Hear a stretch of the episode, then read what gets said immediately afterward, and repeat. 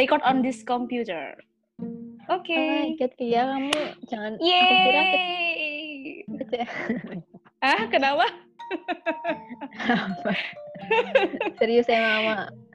Serius radio. dong, karena aku lagi suka, aku ngerasa lagi ini aja pengen cari coping Terus aku ingat udah lama banget aku nggak ngomong-ngomong gitu sama orang. Terus sore hari ini beruntung banget ada Astuti yang bersedia. Padahal awalnya Astuti nggak tahu kalau mau di record ya. Enggak. Aku kira kita hanya akan ngobrol bercengkrama biasa seperti kayak orang-orang video call gitu ya, menanyakan kabar, uh, kabar gitu-gitu ya. Nah, itu kan yang biasa. Kalau ini yang nggak biasa serius, berarti. itu. Uh, ini ini nggak serius sih sebenarnya, cuma kayak uh, aku punya rasa ingin tahu ketika sekarang tuh kan kita tuh kayak hidup kita tuh nggak bisa lepas dari internet kayak gitu loh tuh kayak gara-gara hmm. bukan gara-gara sih dampak dari WFH dari SFH semua orang tuh butuh koneksi yang tinggi gitu loh koneksi yang bagus nah berarti kan intensitas kita ke internet tuh makin banyak kan nah tapi itu sebenarnya kuat nggak sih negara kita tuh dengan segala infrastrukturnya sekarang nih misalnya uh, nopang hmm. itu karena sebenarnya aku punya pengalaman yang kayak ngerasa oh ini kok si Indi tut gitu. Katanya dia jaringannya luas tapi ternyata setelah dipakai termasuk di daerah perkotaan kok masih sinyalnya tuh masih lemah. Kayak gitu loh sebenarnya tuh uh, sekuat apa sih jaringan internet kita tuh? Tuh. Dari situ dulu dari situ dulu. Sebenarnya sekuat apa sih jaringan internet kita tuh bisa bisa bisa diukur gak sih sebenarnya kayak gitu tuh? Bisa sih sebenarnya gitu tuh bisa ada risetnya. Maksudnya kalau cuma mau ngetes speed doang ya itu bisa cuman kayak sebenarnya itu nggak sesimpel itu. Bangun internet hmm. eh, kayak nyebar jaringan internet tuh nggak sesimpel itu. Karena dulu sih aku mikirnya ya jaringan internet itu cuma ada kayak cuma satu tower terus ya udah kamu sebarin nyebar aja ke mana-mana. nyebar ke seluruh Indonesia gitu ya kan. Hmm. tapi nggak sesimpel itu ternyata. Kita ternyata? harus bangun infrastrukturnya. Hmm dan oh, emang okay. itu aku sepakat sih. Tadi kan kamu nge-share artikel yang ada satu artikel yang dia bilang bahwa mm -hmm. kecepatan internet Indonesia itu dua terbawah ya. Iya dua iya. terbawah ya kok sedih banget sih astagfirullahaladzim. Tapi mungkin itu karena rata-rata kali ya rata-rata dari seluruh Indonesia gitu kali ya. Bisa jadi karena, karena kita emang, maksudnya luas lebih luas gitu ya daerah cakupan daerahnya hmm, gitu cakupan daerahnya cukup luas dan kayak kita tuh timpang gitu loh antar daerah kayak di Jakarta, Bandung, Jogja. Bandingnya sama orang sama yang di Kalimantan, Sulawesi, Papua yang pelosok-pelosok gitu loh. Itu tuh susah mm -hmm. banget bangun infrastrukturnya. Nah kan kalau internet tuh sebenarnya oh, ada dua okay. jalur tuh, kabel sama mm -hmm. kabel. Oh, kabel yang, yang kabel sama yang mobile itu ya? Mm -hmm. Okay. Kabel. Apalagi kalau yang sebenarnya lebih cepat itu yang kabel.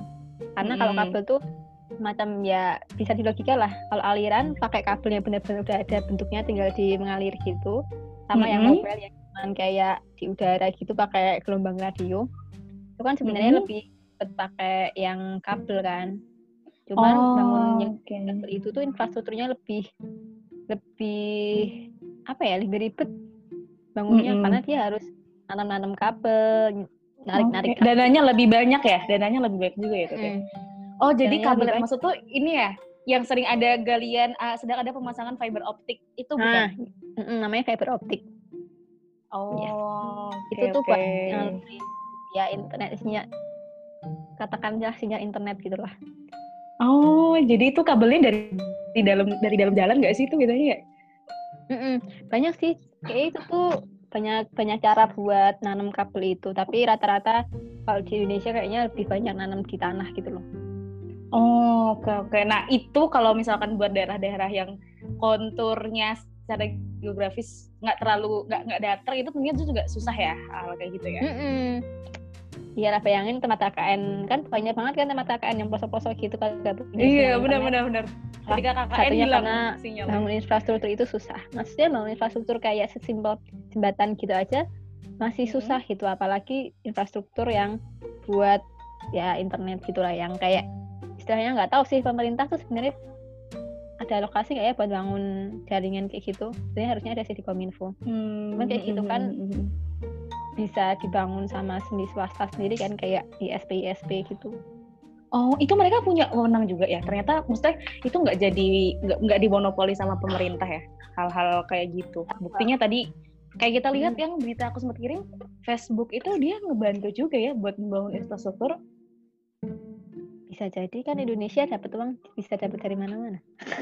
Oh iya ya aku nggak aku nggak pernah nggak pernah nyangka sih ternyata Facebook yang aku tahu tuh cuma ya udah dia dia perusahaan ya sosial media paling nggak data lah mainannya. Ternyata dia juga ikut nyumbang secara infrastruktur. Tadi ada berita yang cukup kayak oh ternyata Facebook juga ikutan ya. Luar biasa hmm. sekali. Hmm, karena data kayak gitu juga ada terlepas sama infrastruktur sih Oh, sih, sih, sih. Oke. Okay. Nah, berarti kan sebenarnya kalau kita lihat, kalau kalau dibilang internet Indonesia itu termasuk yang kecepatannya tuh bahkan kita cuma nggak nyampe 20 Mbps ya kalau diukur tadi tuh di riset-riset yang dilakuin itu. Mm -hmm. Tapi itu kayaknya rata-rata deh. Rata-rata oh, seluruh Indonesia. Ya? Kalau di kota-kota oh, okay, besar okay. gitu Gak mungkin lah cuma 20 ya kali. Iya, iya sih. Tadi aku lihat sih soalnya perbandingan kayak misalkan diambil 4G LTE kalau di Jakarta itu dia setara sama kayak Singapura sih karena kan luas luas wilayahnya dibagi sama orang yang pakai itu ternyata masih sama lah, masih cukup bagus. Kalau di Jakarta doang ya, Tut ya. Iya. Yeah. Mm. Iya nggak sih? Tapi memang persebaran provider internet itu juga uh, ISP ISP itu mereka tuh memang kalau di kota-kota besar tuh lebih banyak opsinya juga ya tuh ya dan lebih kuat jaringannya. Kalau di kota-kota besar. Mm -mm. Hmm. ISP itu hmm. tahu banyak banget kalau di kota karena itu sih mau infrastrukturnya kuat dia, maksudnya udah ada udah ada modalnya gitu loh, udah ada modal infrastrukturnya, tinggal dia bangun kayak semacam udah ada towernya nih, kamu cuma tinggal hmm. nyari kabelnya doang aja kalau ke pelosok-pelosok gitu kan mereka belum punya modal infrastrukturnya kan belum ada benar-benar yang mulai pertama gitu nah ESP oh, di sini okay. kalau di kota ya eh Jakarta aja dulu pas aku di Jogja di ESP itu aku tanya cuman kayak IndiHome mm -mm. apa, -apa Bis, gitu ya Bisnet Citranet Jakarta kayak banget cuy lebih banyak pilihannya ya di Jakarta ya Memang, dan itu rata-rata malah sebenarnya mereka tuh kayak misalkan dua provider ESP nih Padahal sebenarnya pakai satu katakanlah satu tower yang sama gitu. Oh, oke okay, oke. Okay. Jadi dari satu tower tapi dia bisa mancarnya dua ISP kayak gitu ya? Hmm, bisa jadi ada ada ISP yang semacam kerjasama gitu kali ya mau pakai satu tower yang sama gitu kali. Oh, mereka bersaing banget ya sih itu di tengah, maksudnya di tengah kebutuhan kita yang seperti ini kayak yang hampir di jalan-jalan tuh selalu ada yang nawarin tuh SPSP buat pasang internet lah di depan supermarket juga banyak kayak gitu. Mereka kalau kamu lihat di kota-kota besar mereka sebersaing apa sih? Sempat merhatiin itu nggak? Hmm, kemarin aku sempat nyari provider ISP buat kantorku sih. Mm -mm.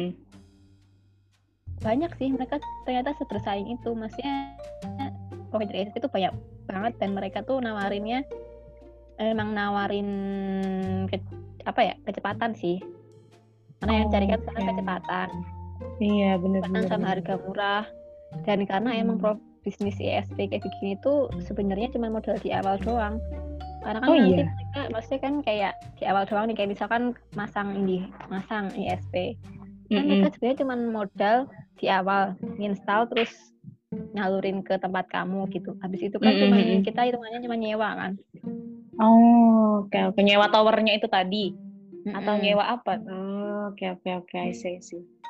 Ya, oh. gitu sih. Kalau kata iya, atasanku iya, sih bisnis ISP itu sebenarnya tuh mereka untung. Karena mereka untung banget ya. Untung kalau orang-orang nyewanya banyak lama. Oh, oke oke oke oke. Karena mereka udah modal gede di awal, jadi kayak di akhir tuh mereka cuman kayak tinggal menumpuk kekayaan gitu loh. iya, benar benar benar benar itu tapi kita harus sadar ya maksudnya kayak yang di Jawa aja kadang belum merata ya tuh ya aku sih mikirnya di Jawa aja yang katanya sih di sini penggunanya sebenarnya di Indonesia tuh uh, kalau di sini disebut ya dari surveinya uh, ada indeks internet inklusif dari Facebook yang dia tuh diangkat dari The Economist Intelligence Unit dia bilang uh, presentase internet cepat 4G secara global itu tuh 75,1 persen. Nah, kalau di Indonesia itu 93 persen dari populasi kita tuh sebenarnya udah terhubung ke jaringan 4G gitu loh. Dan bahkan untuk rumah tangganya udah 66 persen. Mungkin ini memang tersebarnya kebanyakan di kota besar kali ya. Bisa jadi ke kota besar karena hmm, aku nggak tahu sih seberapa banyak daerah tertinggal di Indonesia. nah benar benar tapi se, se di tempatmu masih masih lancar-lancar aja? Internet. Di rumahmu. Nah kalau di rumahmu di ini di mana namanya? Sentolo Ma, oh oh. Enggak sih oh enggak di sana kamu udah mulai merasakan ketinggalan ya sih cuman kayak enggak enggak secepat itu gitu loh Oh, Saya mau okay. kalau misalkan mau streaming video pun loadingnya lama gitu. Oh, paling banter ya buka YouTube pasti nyedit-nyedit ya? Paling banter YouTube lah, YouTube tapi kayak nggak bisa buat yang durasi lama-lama gitu loh. Ntar bisa kesabaran menunggunya. Oke, oke, oke, oke. Berarti sebenarnya kalau kondisi kayak gini tuh kasihannya tuh sebenarnya berdampak banget nggak sih ketika kita di tengah pandemi kayak gini diminta apa-apa tuh dari rumah? Sedangkan bisa jadi kalau di rumah tuh nggak se-provide kantor kita kayak gitu. Misalkan atau tempat kerja kita. Terus akhirnya ya udah bermasalah aja. Akhirnya semua orang pada minta uh, menuntutan untuk koneksi cepat dan mudah itu makin tinggi gitu sih. Apalagi buat anak-anak kuliah yang pada pulang ke kampung halaman ya hmm, hmm. ini tantangan banget sih buat ISP sebenarnya mereka sekarang lagi untung-untungnya tuh. Iya ya karena tapi permintaannya tinggi. mereka karena permintaan permintaan tinggi tapi kayaknya tuh nggak tahu sih aku nggak tahu kemampuan ISP ISP di Indonesia tuh kayak gimana. Hmm. Mas sebenarnya harusnya kalau misalkan makin tinggi peng, makin tinggi permintaan mereka mau nggak mau juga harus naikin kualitas. Karena kayak kalau kualitas mereka sekarang masih sama kayak kemarin-kemarin terus permintaannya mm -hmm. makin tinggi ya gitu yang ada malah koneksinya jadi makin lambat makin lambat karena yang pakai makin banyak ya dan kapasitasnya nggak dinaikin mm -mm. Iya semacam oh, itu. Kalau di okay, IT okay. itu biasanya kita biasanya istilahnya itu di dianalogikan sama jembatan. Tapi oh, jembatan yang jembatan. kita punya sekarang lebarnya 5 kilo. Ada mm -hmm. eh lebarnya 100 meter lah. Dilewatin mm -hmm. sama 10 mobil sama dilewatin sama 100 mobil. Lebih cepat dilewatin 10 mobil kan. Kalau yeah, benar, benar, mobil, kita harus ngelebarin ngelebarin jembatannya juga. Oh, oke. Okay. Berarti jembatan itu dianalogikan kayak band bandwidth tuh kayak bandwidth jembatan lah ya. Jembatan. Oh, oke okay, oke okay, oke. Okay. Bandwidth tuh apa sih bentuknya tuh? Ya sinyal itu ya. Bandwidth uh, apa tuh sih?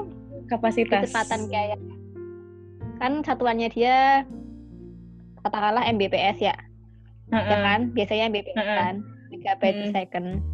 Ya. Yeah.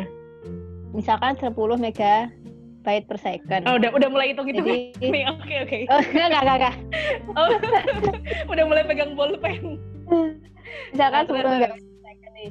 Tiap uh -uh. secondnya itu tuh uh -uh. Itu cuma bisa dilewati sama paket data sebesar 10 MB doang. Per, per per apa itu berarti satuannya? per detiknya. Jadi per, per detiknya, detiknya. itu cuma ya, okay. ya pakai data sekitar 10 MB. Mm -hmm. Hai. Wah, siapa tuh? Kenapa? Kenapa? Ada anak-anak aku. Hamster? Oh, jadi beli hamster? Oh ya? beli hamster dia. beli hamster. Punya, punya temen. Hmm. Mm -mm. Ya, Terus? Ya, Uh, 10 10 MB per detik ya. Mm-mm. Jadi kayak misalkan ada pintu nih, setiap mm. satu detik itu dia cuma bisa dilewati sama pakai data sebesar 10 MB doang. Oke. Okay. Kalau misalkan itu kita bayangin konten 10 MB itu apa tuh per detiknya tuh? Kalau di konten MB itu kayak deh. misalkan kamu YouTube nih streaming. Uh-huh. Kan tiap grafiknya, tiap motion detik ke detik kan grafiknya beda tuh. Uh-huh. Kita kan mendownload mendownload in mendownload data itu kan mendownload data gambar yang ada di video tiap detiknya. Ketika kita nonton itu aktivitas kita adalah mendownload grafik yang ada di video itu.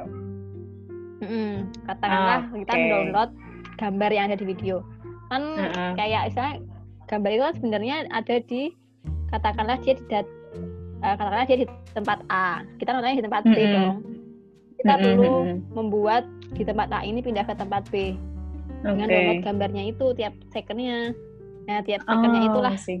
nanti akan dihitung dia berapa paket data yang masuk oh oke oke okay, okay. paling besar itu berarti uh, animasi bergerak ya, gambar bergerak ya, itu datanya paling pakai paling gede. Kalau kayak suara, teks kayak gitu cenderung lebih lebih sedikit.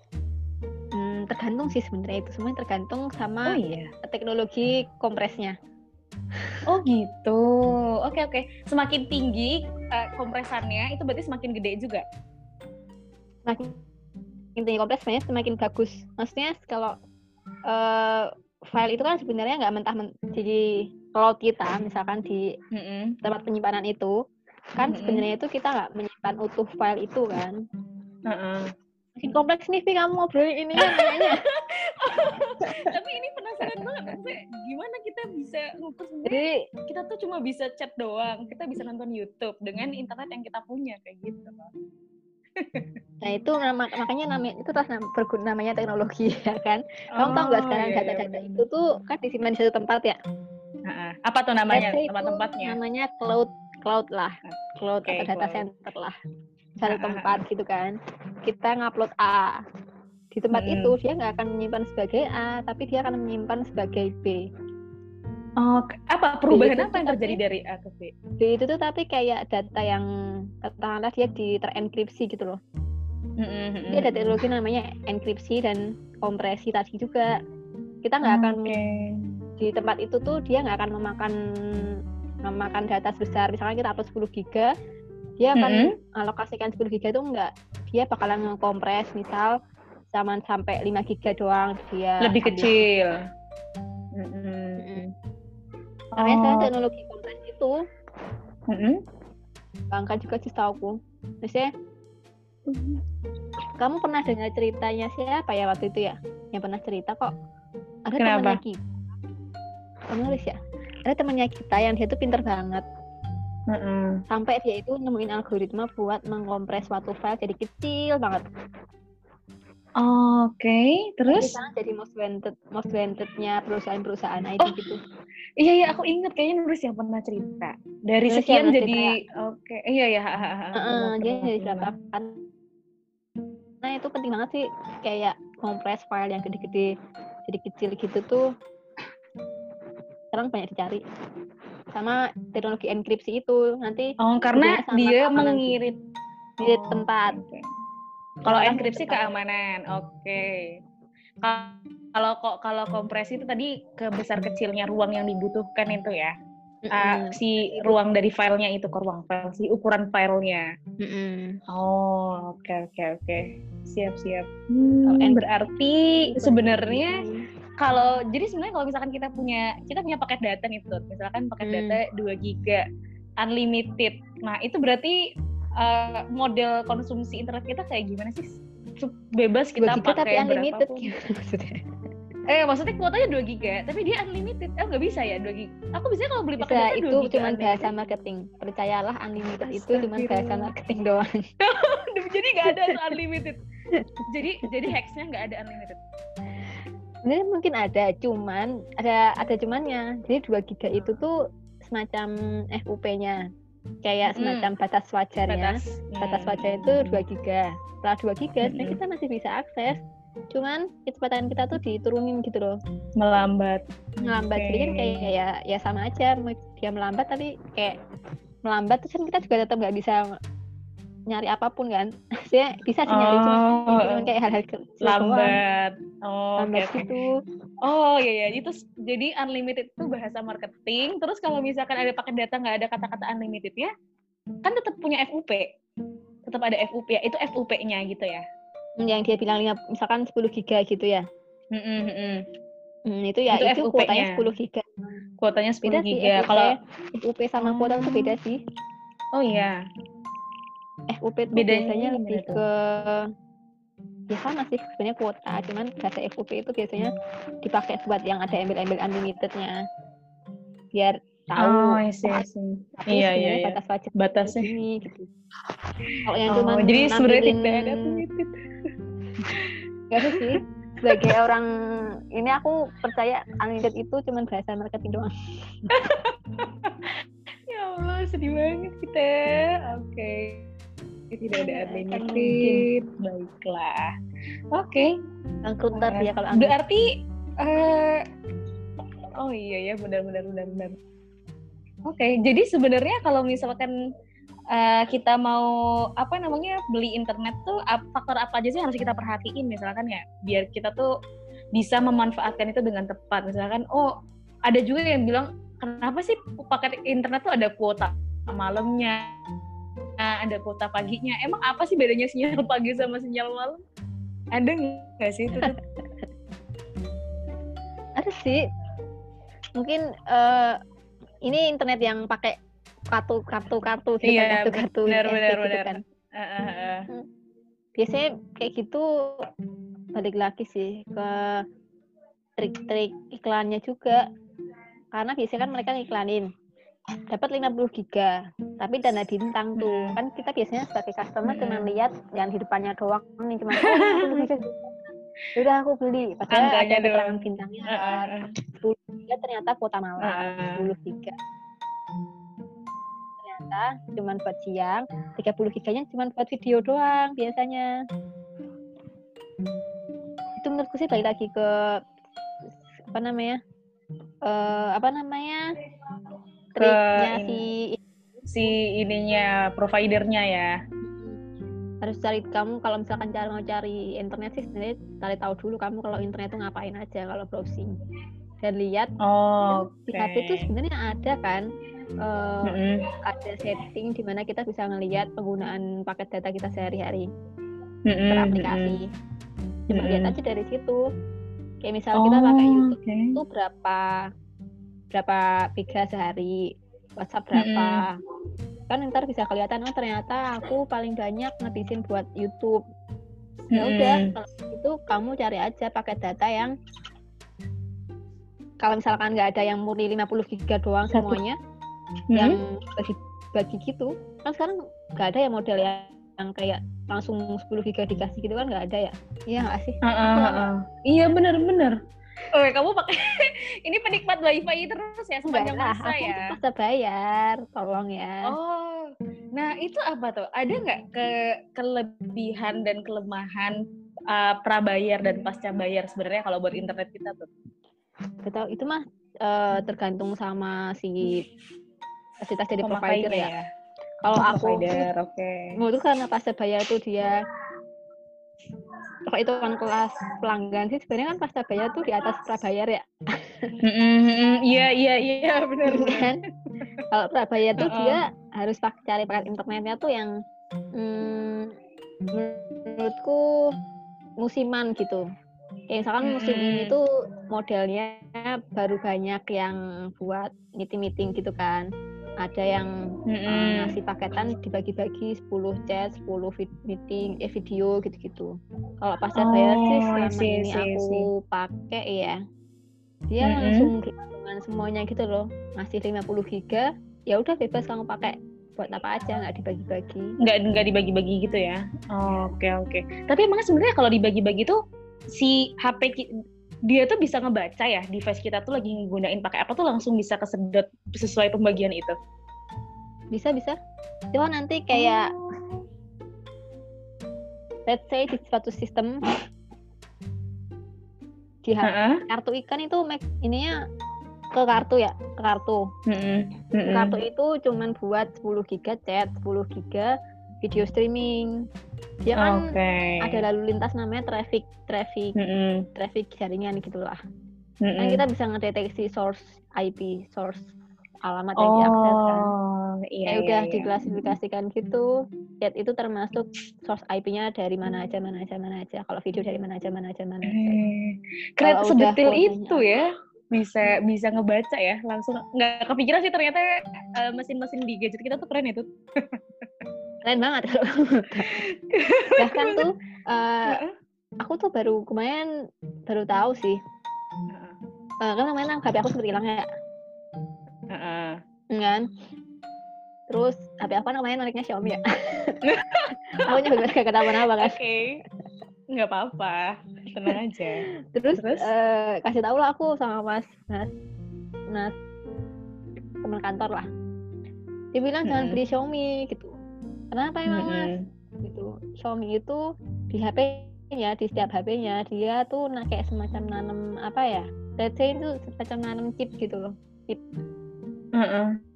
yang dia tuh linknya itu ngasih data yang kita ada di mana ke suatu sumber dia data centernya di dia kalau waktu itu kayak kalau okay. itu di Cina apa yang kalau nggak salah itu kalau misalkan hmm. nih lagi ada traffic kan kita suka kan di kantor tuh suka liatin trafficnya orang-orang device-nya orang-orang tuh connect ke mana aja gitu kan mm -hmm. jadi di HP kita tuh misalkan kita sebenarnya cuma buka WhatsApp sama YouTube itu ada URL-URL lain yang kita akses oke okay. nah salah satunya URL itu kalau di Xiaomi itu ya mm -hmm. itu tuh URL itu tuh fungsinya itu buat uh, ngasih data kita location kita sekarang ini di sini mm -hmm. ke data centernya dia di Cina okay. kalau nggak salah kalau waktu itu. nah, jadi kayak banyak banyak sebenarnya banyak banyak tip-tip tersembunyi gitu di HP kita. Oh, Oke. Okay. Oh, tapi itu bukan jadi suatu keuntungan ya malah ya tadi yang keberadaan chip itu di Xiaomi karena kamu bisa mendeteksi HPmu di mana, bukan karena itu. Hmm, jadi dari dua sisi sih sebenarnya. Oh, Keuntungannya adalah okay. kalau misalkan kita hilang ya udah kita tahu kan tempat kita di mana. Uh -uh. uh -uh. kita kan mengirim data kita yang dari mengirim data kita ke suatu sumber di luar negeri gitu kan dia. Oh, yang kita okay. tahu dipakai buat apa. Hmm, nah, oke okay, oke. Okay. Ini ini udah mulai masuk yang berikutnya nih. Berarti ternyata di tengah banyaknya aktivitas kita baik itu penggunaan device-nya, habis itu akses ke internetnya sebenarnya ada yang kita pertaruhkan yaitu data-data kita ya Tut ya. Iya. Data itu sangat kita pertaruhkan sekarang. Hmm, ya kayak okay. internet makin luas nih. Fasilitas-fasilitasnya tuh juga makin makin oke. Okay dan aku sendiri ya sebenarnya aku tuh sendiri nggak bisa nggak bisa kayak menolak menggunakan fasilitas internet itu yang yang saya aku ngasih data ke aku data aku ke dia itu aku ngasih uh, uh, aku susah ya kalau misalkan iya iya iya benar benar benar benar oke. Okay. ternyata masih kita juga nggak bisa nggak pakai itu kalau misal tapi manipulasi data tuh bisa menyelamatkan nggak? Nah sebelum dijawab sebelum dijawab kita harus pindah kalau misalkan kita mau menyelamatkan data kita, tapi kita hmm. mau, aduh dimanipulasi dikit lah, misalkan nanya nanya alamat diplesetin dikit kayak gitu. Nah, itu bisa mengamankan atau enggak. Nah, soal cyber security ini kita bakal lanjutin tapi kita harus ganti room dulu sebentar nih karena oh udah remaining meeting time-nya tinggal 8 menit. Nah, di sesi yang berikutnya kita nanti bahas soal cyber security khusus ya. Oke, kita ganti room dulu ya. Sebentar. udah berasa kayak talk show ya, Bu. iya, jadi iklan dulu, iklan dulu. Oke, Bu. Saya end meeting dulu gimana maksudnya? lagi. Hah? Oh, ini eh, di end meeting dulu ya. End meeting nanti ya kita bikin room lagi ya. Oke, okay, silahkan di end.